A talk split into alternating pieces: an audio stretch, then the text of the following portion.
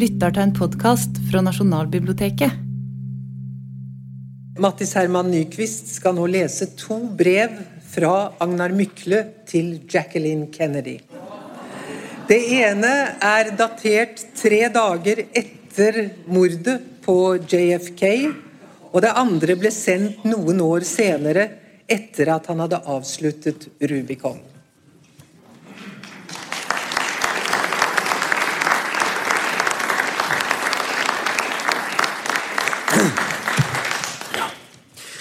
Agnar Mykle, Silurveien 44, Oslo 3, Norway, november 25., 1963. Mrs. Jacqueline Kennedy. In your heart of hearts, you know that what happened was right. In your heart of hearts, you feel secretly relieved and strangely happy. Yes, the only word that rhymes with death is breath. Don't you want to dance? So, when the whole world heaps sorrow and condolence upon you, let me congratulate you. Yours.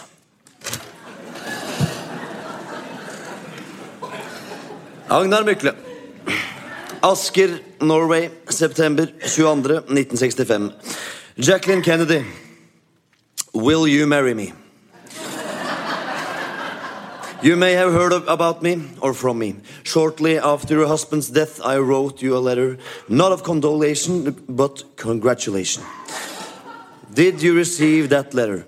I have often been thinking of it, and still I don't know why, fully, why I sent it. Catharsis, prick, prick, prick.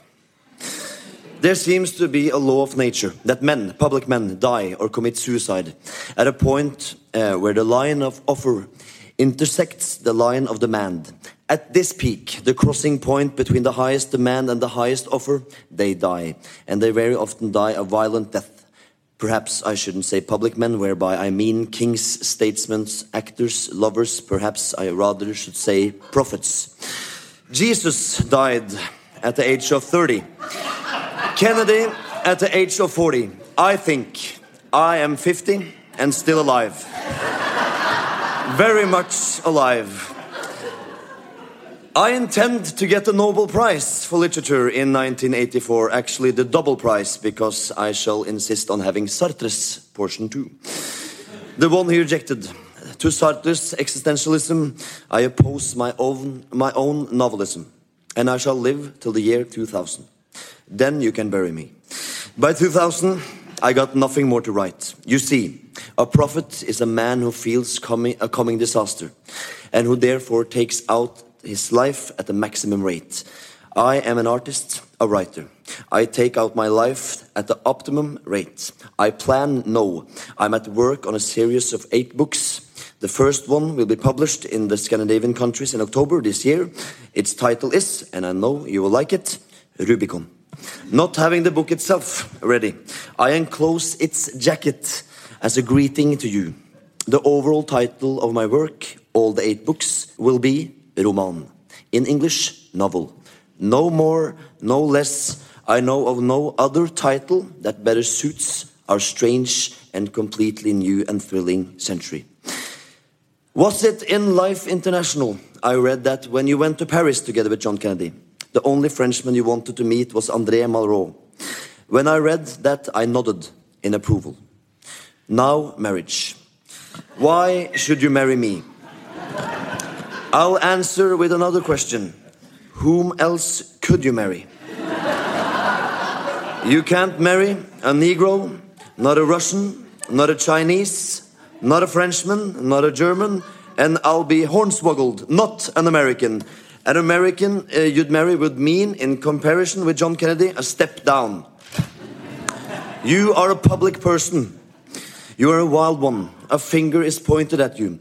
I know that finger myself, and I think I love it. As the Romans said, no, not all the Romans, only one poet, his name was Persius. Ad pulcrum est digito monstrari et disir hic est. Still, we have to consider the envy in case you married an Englishman, an American, or an Italian. At the same time, we also have to consider the necessity of for uniting America with Europe. Twice, America had drifted so far away from Europe that Europe has to use a world war to call you, to call America back. Now you risk drifting away into space. America is the land of the future, the quick jump. Europe is the continent of the past, the slow, methodical work. But just as the past alone is but a cradle, the future alone is but a coffin. I am a Norwegian, a country fellowman of Ibsen, of Nansen, of Hamsun, of Heyerdahl. But that is not my main card. I have now crossed the river. I am on my way towards the Nobel Prize in 1984. I don't think I want to have it any earlier. I have chosen that year with great care. I reached the other shore, but now I'm facing the enemies, the real enemies, and I think it's exactly at this point that your lifeline and mine cross each other. If reading my letter you haven't nodded before, I feel convinced that uh, you'll nod when I'll tell you uh, who the real enemies of the 20th century are. Not the Russians, not the Chinese, not the communists, not the Negroes, not even the poor, because you can see them. The real enemies are the journalists, the reporters, the photographers. You might like to know, perhaps, why I would like to marry you. Four years ago, I wrote in public in Norway in English, and I did uh, so. I, when I did so, I felt Shakespeare looking down at me and nodding. the rest is money. Yes, if you had been a poor woman, I wouldn't have written this letter. it's for your money that I want to marry you. I'm the one and only man in the world who really needs you. You and your money. And how could I ask you to help me? How could I like you to help me? Were you not my wife? This part of the story of the novel is the most strange. I used to have money, and in a year or two or three, I may once again be a millionaire. I need money in order to continue my campaign, in order to write. A writer can't write unless he can think, and he can't think unless he has stillness and peace of mind. The palisade is one thing, money is the other. And here is two really strange things. If I had been a millionaire today, I wouldn't have asked you to marry me. Behind a marriage proposal, there should be a deep need, a deep seriousness, a deep loyalty. It's extremely strange. I wouldn't have ventured to ask for your hand in marriage I, if I hadn't reached this point where I am today. A conqueror who has crossed the Rubicon, who is on the other shore, but who is without a penny. Tomorrow, it may be different. In a month, still more different. The contracts from the American and English publishers are on my table, signed by them, but I haven't yet signed them. I've got to fight them about some clauses. So I've got to avail myself of this historical opportunity to write to you today at the exact point of my life and career where I have only money left to pay for the stamp of this letter. A situation which gives a man tremendous strength. As things are, I couldn't invite you over to Norway to have a, to have a look at me. Although I do possess, or rather my ex-wife does, a beautiful house, an old log house with two wings fetched down from the mountains and built up again here in Asker, just outside Oslo. You have to invite me to New York. This uh, thought gives me a good smile. And you know what? In closing now this letter to you, I feel fine. I feel right. I feel clean, clean as a flute. Of course, you could prefer to stay a widow the rest of your life. In that case, I could only bow and retire. This letter is not a love letter. How could it be? I haven't met you. This letter is a political letter, a diplomatic letter, a letter, as I feel it, of destiny. It is either in our cards or it isn't. The constellations. I was born in Trondheim, Norway, on the 8th of August 1915, which was a Sunday. On the jacket, which I enclose, I see it now. There is a little red heart in the middle of the O. I dropped the heart for the publication of my book. For the public, there will be no heart. The people, no. Actually, this jacket with the red heart is the only and one existing jacket of Rubicon in the world. It's a rarity. Suddenly, I feel a wave of joy. I was able to give you a present after all. Will you keep the jacket? The heart is for you. Sincerely yours. P.S. You ought to know that yesterday, for my last money, it cost me 38 crowns. A little more than five dollars. I bought Shaw's complete prefaces. I sat down to read on page 851 in his preface to Anjanska, a short play which I had never heard about. Shaw writes, I have received only one compliment on my share, and that was from a friend who said, It is only one of your works that is not too long. So, I have made a page or two longer, according to my own precept. Embrace your reapproaches, they are often glories in disguise. I awoke this morning and found myself penniless. So I shaved, I had breakfast, I recommended my soul to God, and I started a letter which begins Jacqueline Kennedy, will you marry me?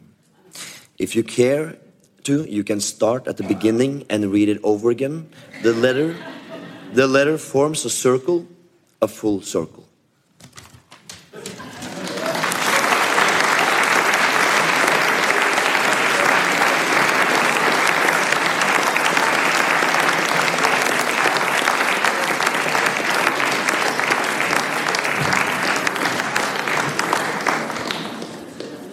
Ja, fra dette noe bisarre brev av Agnar Mykle, så skal vi gå til et brev av stort alvor. Eh, Det er et brev fra Vidkun Quisling til Maria Quisling. Den 9. mai 1945 om morgenen, dagen etter Tysklands kapitulasjon, meldte Quisling seg etter krav fra hjemmestyrkene for politiet ved Møllergata 19. Etterforskningen, avhørene og til sist rettssaken mot Quisling ble gjennomført i ekspressfart sommeren 1945, som innledning til det store rettsoppgjøret i Norge. Quisling møtte i forhørsretten 25. mai og fortalte for første gang om besøket hos Hitler i 1939. Den 20. august 1945 tok hovedforhandlingene til. Lagretten som ble satt i losjens store sal i Oslo, ble tett fulgt av internasjonal presse og en stor tilhørerskare. Den 10. september 1945 dømte lagmannsretten Vidkun Quisling til døden ved skyting. Da dommen ble kjent, begynte hans kone Maria Quisling kampen for å redde sin manns liv, der hun skrev lange brev til bl.a. statsminister Gerhardsen for å be om en mildere straff. Høyesterett forkastet Quislings anke den 13. oktober 1945. To dager etter at Vidkun Quisling skriver dette brevet til sin kone Maria. I statsråd ti dager senere ble også benådningsandragenet avslått. Klokken 02.40 om morgenen den 24. oktober 1945 ble Quisling skutt. Anders Bosmo Christensen leser.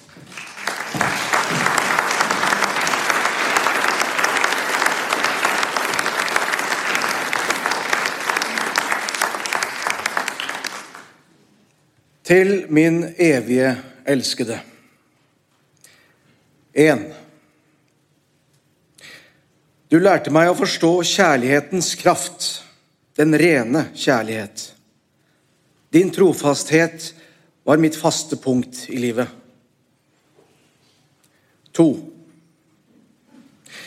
Hvem kunne være som du når jeg vendte tilbake etter en lang reise, og din hjertevarme og dine øyne strålte meg i møte? 3. I all din omsorg for meg talte din oppofrende kjærlighet sitt varme språk i rike uttrykk. Du sørget for meg i alle ting som en god mor passer sitt kjæreste barn. Ja, sannelig, du var meg også i mors sted.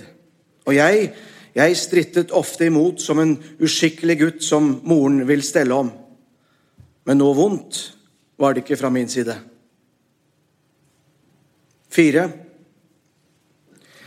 Det er ingen falske folder i ditt dype sinn. Du er det mest oppriktige mennesket jeg kjenner. Du elsker meg, og du sier meg din åpne mening uten smiger. Fem. Når du var bitter eller sint på meg, så var skylden min, og du vil tilgi meg. Seks. Et stille, saktmodig liv skulle vi levet, men ble kastet ut i et urolig og stormfullt liv. Av hva? Av hvem? Iallfall var det ikke det du ønsket, og heller ikke jeg. Men omstendighetens makt og en indre trang drev meg. Noe godt, noe dårlig. Men gjennom det hele mener jeg å se en Guds styrelse og vilje, en dypere mening. Døm meg derfor ikke. Tilgi alt. Syv. Du lever i min tanke, og da vet jeg hvorledes kjærligheten forener oss over alle avstander, og også over dødens terskel. Åtte. Når jeg satt i fly over havet, og en fiende hvert øyeblikk kunne styrte frem og hente oss ned, da var min eneste tanke utenom Gud, det var deg, hvor sorgfull du ville bli. Ni. Men vår sjel og vilje skal alltid være sammen, Maria. Min ånd skal alltid omsverme og gjennomtrenge deg som radiobølger fyller rommet. Og du vil ta imot og føle det.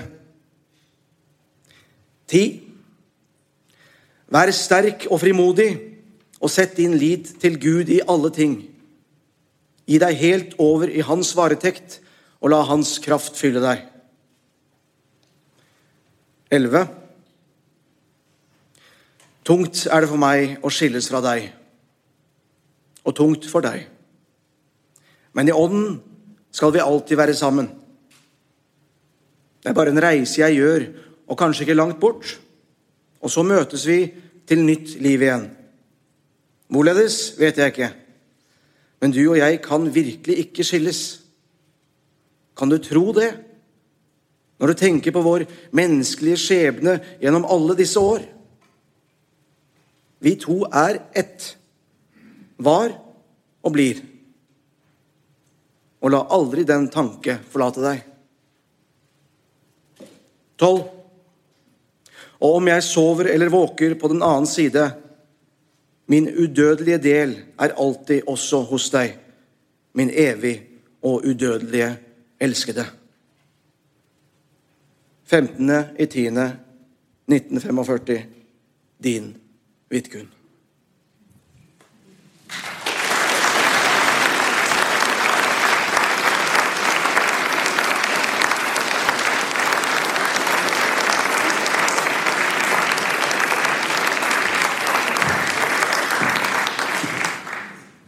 Så kommer et brev fra Haldis-moren Vesaas til Tarjei Vesaas. Olav Vesaas sier følgende om sine foreldres brevveksling. Breva mellom far og mor er ikke av den overspente og høytflygende eh, slaget, men heller enkle og direkte. Ja, rett og slett ekte. Ingen av dem var flinke til å bløffe eller til å uh, smørje tjukt på, men desto mer troverdige. De skrev mange brev ettersom de gikk måneder mellom hver gang de møttes, før de gifte seg i 1934. Og så noen, noen opplysninger omkring brevet fra Haldis Moren til Tarjei Vesaas den 22. juli 1932. Haldis var da sekretær for visekonsul Arnold Bakke, som holdt til i landsbyen Vøv i Sveits. Etter at Haldis og Tarjei hadde møtt hverandre for første gang i Oslo i november 1931, kom ei heller intens brevveksling i gang. Og sommeren 1932 reiste Tarjei ned for å besøke henne. Han kom til Vøvi den 4. juli, og det var andre gangen de møttes. Tarjei tok inn på et hospits i landsbyen og eh, da Haldis så fikk ferie i slutten av juli, så reiste de sammen til Bretagne i Frankrike og hadde et par fine veker der. Dette brevet er altså skrevet i ventetida før hun fikk ferie. Og apropos det som står i brevet, den galne mannen som omtales, det var en pågående friar en lektor fra Vestlandet, nesten 20 år eldre enn Haldis, som hadde reist helt til Vøvi kun for å treffe henne. Til slutt måtte hun bokstavelig talt låse han ute. Andrine Sæther leser.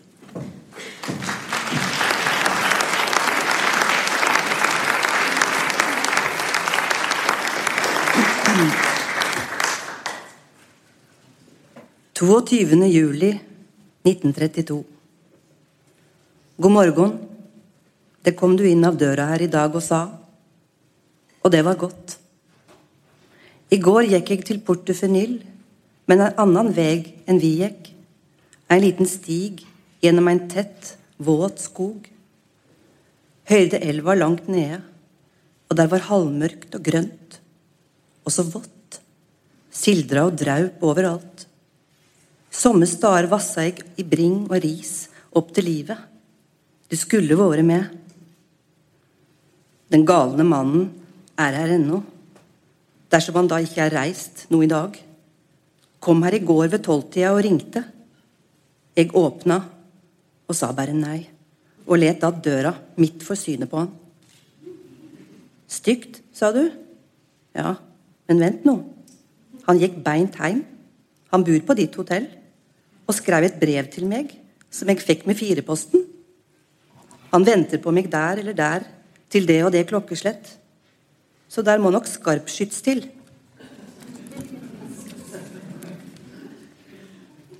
Jeg skrev noen ord til han, så jeg vonar han pakkar sammen. Kjente meg ene og forlatt og forfylt i går, så jeg var nede i byen og kjøpte et lass kaker og Bo fru Meyer og en av to små nøss til te. Vart med henne heim sidan til kvelds. I kveld kjem vel Bakke att. Var det eit dumt brev du fikk fra meg i går? Lagar eg scener? Eg er så glad i deg, Tarjei. Kan du sjå det? Kan du kjenne det? Eg vonar du kjenner hendene mine tok. Akslene mine er ikke såre lenger. Hendene mine veit så godt hvordan du er, som en vase. Notert Ned Sparke. Du får konsulatkonvolutt, for tre av skuffene i skrivebordet må ha gått i baklås, deriblant den der jeg har mine papir.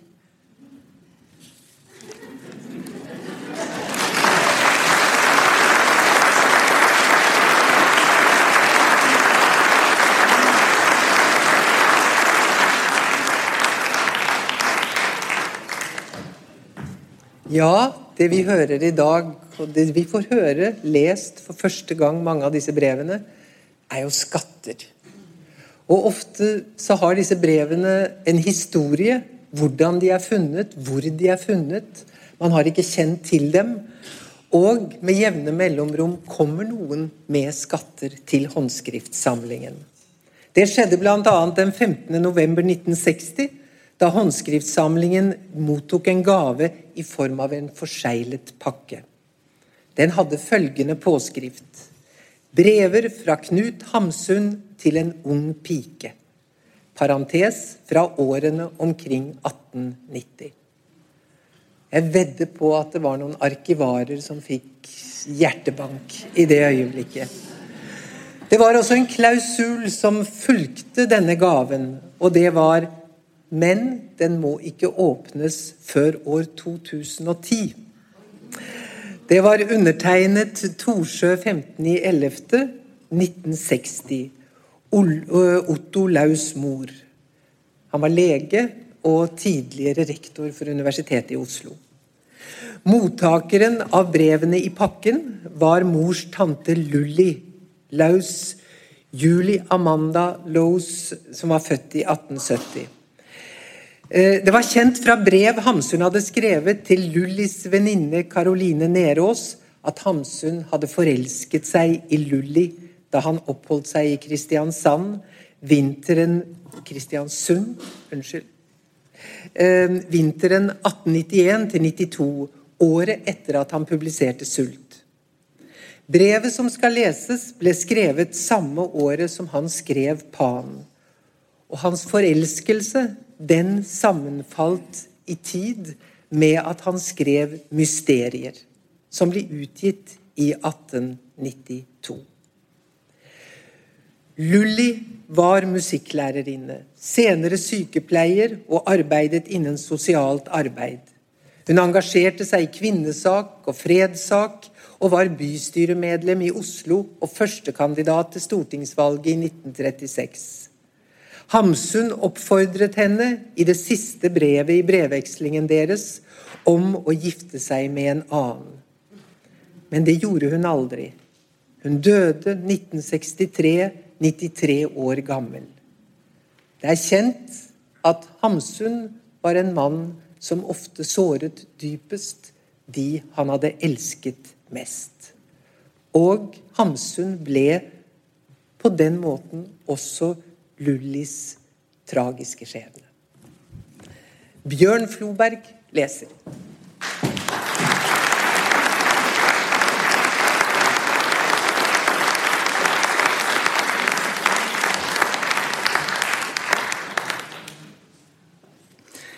Kristiansand S, 19.9.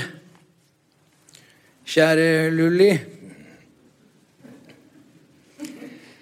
De skrev en gang som svar på mitt første brev de de ikke hadde sendt det.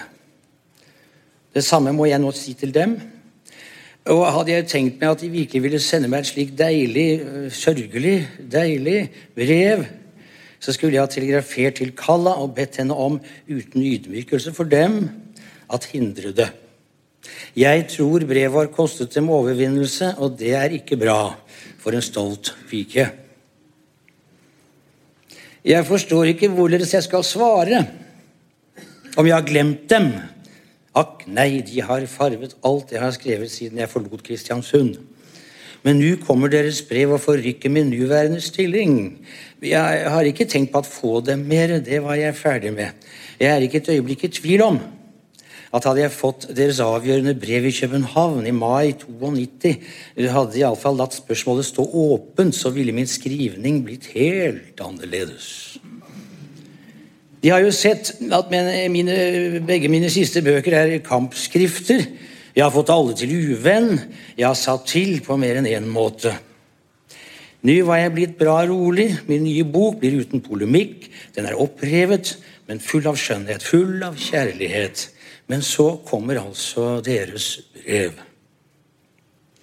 Jeg forstår forresten godt hva jeg skal svare dem. Meg selv er det en annen sak med. Jeg svarer uten videre nei. De er ikke glad i meg, Lulli. Jeg ser det på deres brev. Tro de i meg var de på et større sted, og de ikke var nødt til således at være så meget sammen med dem selv, så ville de ha glemt meg med letthet. De bedrar dem så nydelig igjen. Kom en annen, jeg mener en betydelig annen, så vil de straks vakle. Og kom den store rette, så beseiret han meg med ett. Hvorfor skulle de nemlig bli glad i meg etter to og en tredjedel års adskillelse, og ikke før? De har jo ikke lest stort annet enn angrep på meg i denne tid, og den smule mer jeg har skrevet siden vi var sammen, har kanskje gjort meg litt mer bekjent, iallfall i utlandet, men jeg er neppe blitt et bedre menneske ved det. Jeg er for så vidt den samme. Om jeg nå i dag hadde fulgt min første innskytelse og sprunget opp og telegrafert til dem 'Jeg elsker dem' som før, så ville de kanskje ha følt noe ved det i øyeblikket, men i ettermiddag ville de sikkert reist rett til Grip igjen hvis en tur var kommet i stand. Jeg spiller ikke med i den komedie mer. Kjære, snille, deilige Lulli. Jeg byr dem ikke mitt vennskap. Det er en banalitet at by noen slikt noe. En nokså venneløs manns vennskap har dessuten ingen verdi. Jeg er bare alltid deres som jeg var. Traff jeg dem, så jeg dem igjen, så var jeg deres. Og jeg kan nok være det om jeg ikke ser dem igjen. Jeg kan være det om jeg gifter meg også. Det behøver jeg ikke at gjøre andre rede for. Med dem er det en annen sak. Alle blir glad i dem. Og når den rette kommer, så blir de hans. Det er alt. De forvirrer meg forresten litt med de sterke og sitrende ord i deres brev. Jeg kunne tenke meg at det er gått noe avgjørende forut for brevet. Har de nylig hatt en eller annen skuffelse, f.eks.? Hvorfor kom de til å skrive til meg just nå? Har kanskje noen, f.eks. fru Nissen, lagt inn et godt ord for meg? Det burde ingen gjøre. Jeg vemmes ved det, og dessuten fortjener jeg ikke at det gjøres. Jeg kan se så klart deres ansikt. De ser både bedrøvet og forundret på dette brevet. Men dagen etter at de har fått det, vil de måske atter ta det frem og lese det, og allerede da vil de se svalere, likegyldigere på det. Og de vil motta deres elever med vanlig presisjon og spille med dem deres tid. Og om aftenen vil de gå deres tur opp ad veien, og de vil ikke for lytter tanke glemme at besvare noens hilsen, hvor jeg ser alt det der tydelig. De stiller i deres brev i utsikt en så og så stor kamp og strid hvis dette mellom oss skulle bli til noe. Jeg vet ikke om jeg forstår det riktig, men mener de at de kunne stride den til at bli glad i meg med tiden? Eller at vi begge behøvde stride for å overhodet få det i stand? Så er jo også det feil. Man strider seg ikke til slikt noe. Man synker fortapt inn i det og rødmer av glede. Nei, kjære. Jeg tror inderlig på deres ord, for de er så absolutt sannferdige, og fordi de er en ren sjel. Men deres erotiske følelser for meg, det tviler jeg på. De vil om år og dag gi meg rett. Var jeg f.eks. død i Paris, eller dør jeg der nå, når jeg reiser dit igjen, så vil de lese om dette dødsfall med all ønskelig selvbeherskelse. Og hvorfor skulle de ikke det? Jeg har nå i to en tredjedels år hver eneste dag lest Morgenbladet fordi jeg trodde at det var der de ville avertere om de ble forlovet. Hver eneste dag har jeg tenkt på det. Nå ja, jeg husker en gang. Det var formiddagen 7. april 92. Det var solskinn. Vi gikk tilbake fra vårt eneste møte. Jeg sa 'deilige Lulli', og de ga meg et varmt blikk. Jeg følte at det var for en gangs skyld varmt. Det var den gang. Men nå sier jeg igjen deilige Lulli. Og jeg legger til mellom oss blir det intet nei, Lulli. Og jeg tror ikke vi skal skrive videre til en annen. Det kunne bli for villedende for oss begge to. Men de er min kjæreste, og hvor jeg enn havner, er jeg likevel deres gutt. Jeg har ingen fordel av at live dem nå mer enn før. Jeg husker enda en gang, en aften det var en sammenkomst hos dem. Deres venninner foreslo også meg innbudt, og de var imot det. Nå vel, jeg hadde ikke kommet takk nei, vært dit trygg.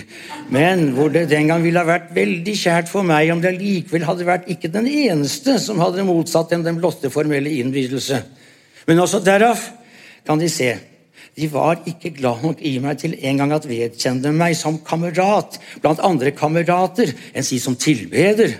Og nå, to og en tredjedels år bakefter, er det meg ikke mulig å tro på noen dyp forandring. Altså, Lulli, kjære, elskede Lulli. Jeg elsker dem, jeg fragår det ikke. Men tenk på saken, så skal de se at de atter har vært i ferd med å bedra dem selv. De holder like så lite, eller like så meget, om de vil, av meg nå som før. Jeg ønsker dem alt, alt godt, og jeg sender dem min inderlige hilsen, som jeg har sendt dem mange inderlige hilsen fra verden der ute. Vær lykkelig. Deres hengivne Knut Hamsun.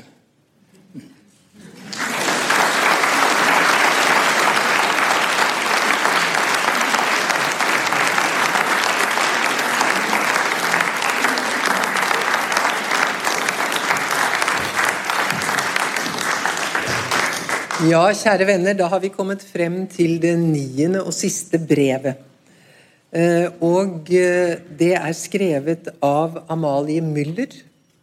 Det Dere har sikkert gjettet at det er Amalie som da skriver til sin tilkommende ektemann nummer to, Erik Skram. Og eh, etter at Erik og Amalie møttes i Sverige i slutten av 1882, så blir brevvekslingen stadig mer intens. Mer personlig og mer intim.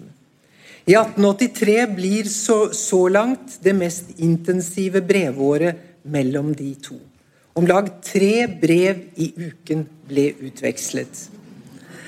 Dette året er også et veldig spesielt år for Amalies del. For hun får publisert sin første fortelling. Hun flytter sammen med barna og broren. Barna som har bodd sammen hos eh, sin eh, første ektemann. Og broren til en ny leilighet. Dessverre så får broren tuberkulose og blir svært syk kort tid etterpå. Men Erik lengter etter Amalie og opparbeider seg en større og større misnøye med jobben som korrespondent i Sverige for Morgenbladet, der han dessuten mener at han får for lite betalt.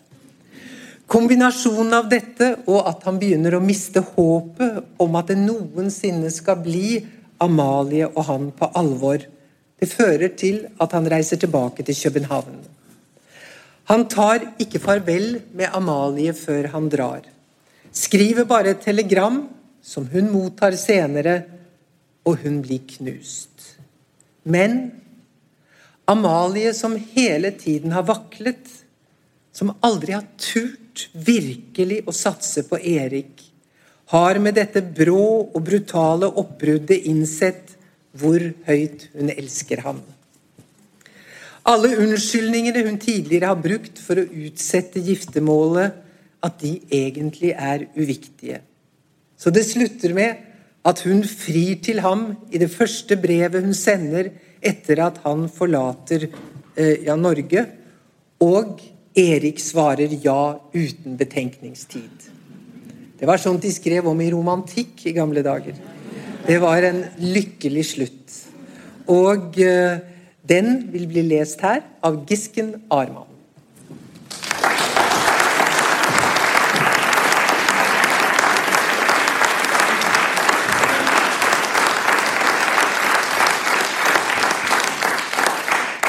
Søndag formiddag, andre i 9.83.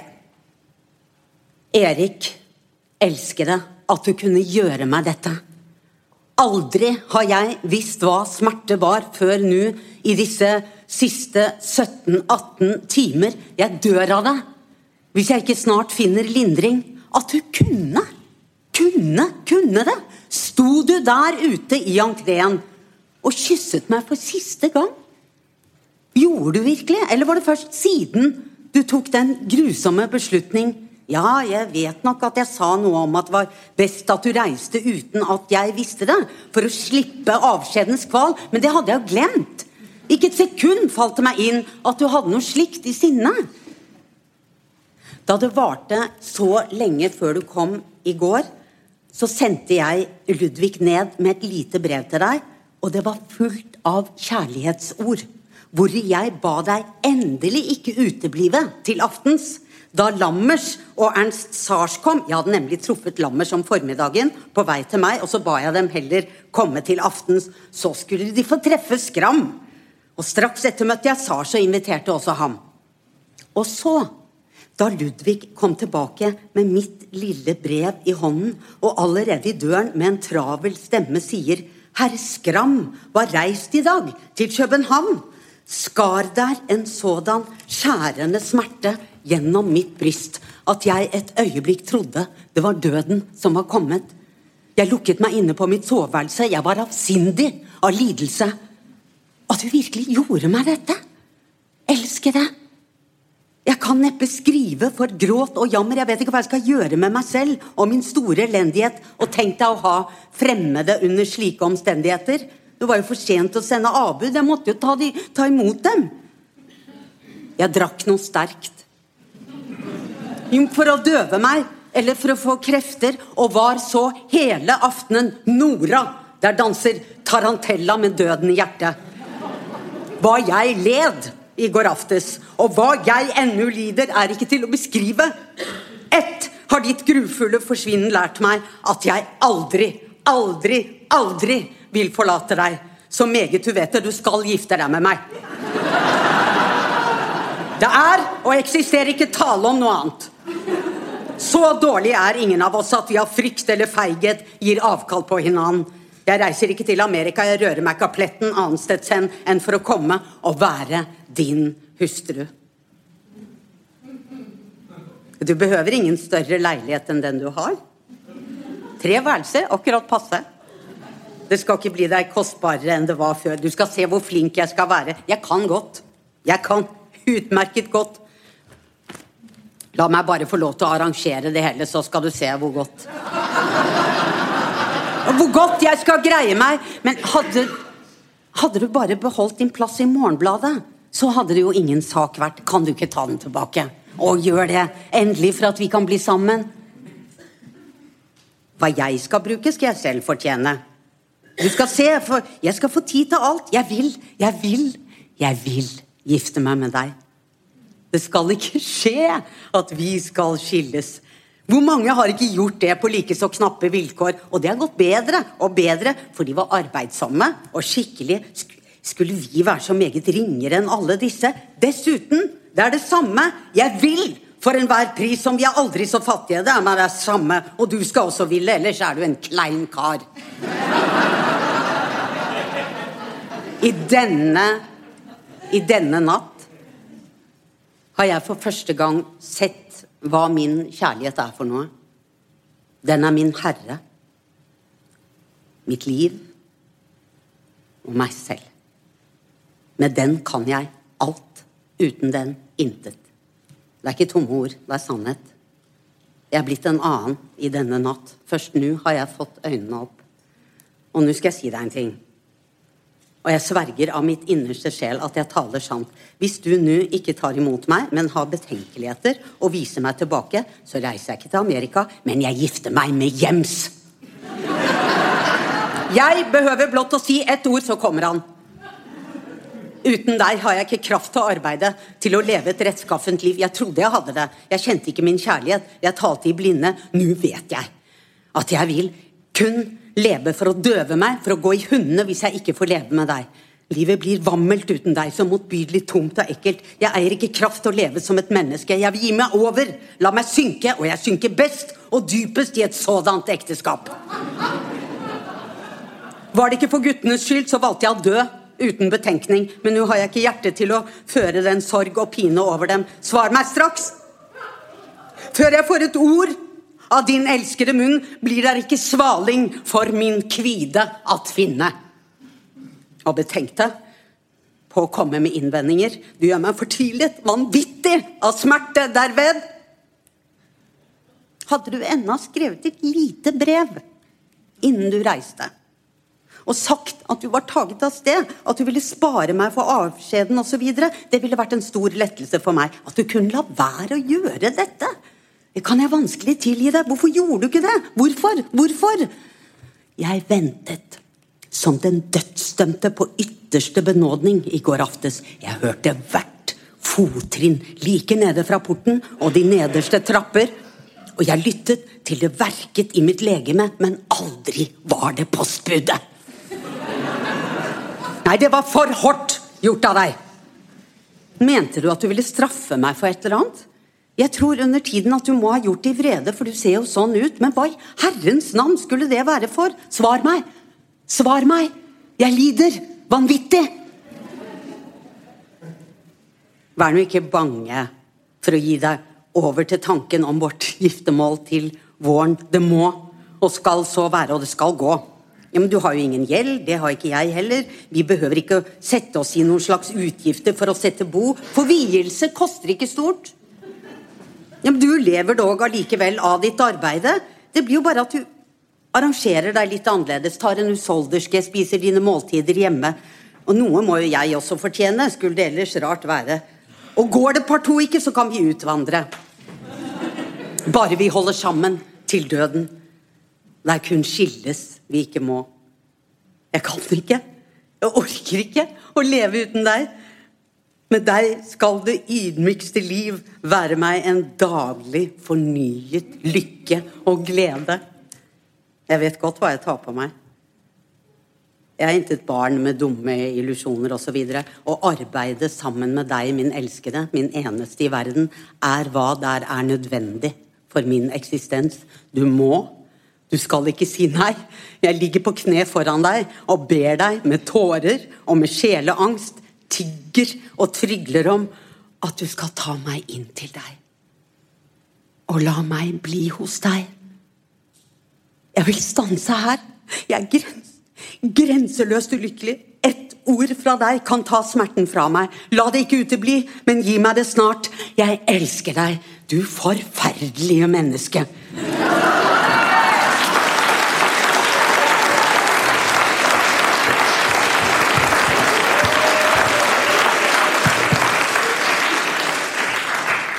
Fru Müller, 24 Nordahl Bruns gate, Kristiania. Fra København, 4.9.83 klokken 7.10 EM.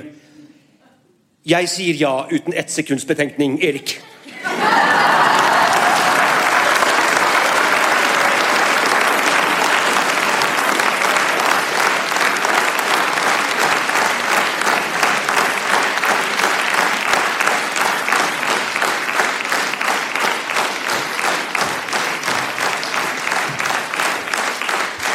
Ja, kjære venner, da har vi kommet frem til den musikalske avslutningen.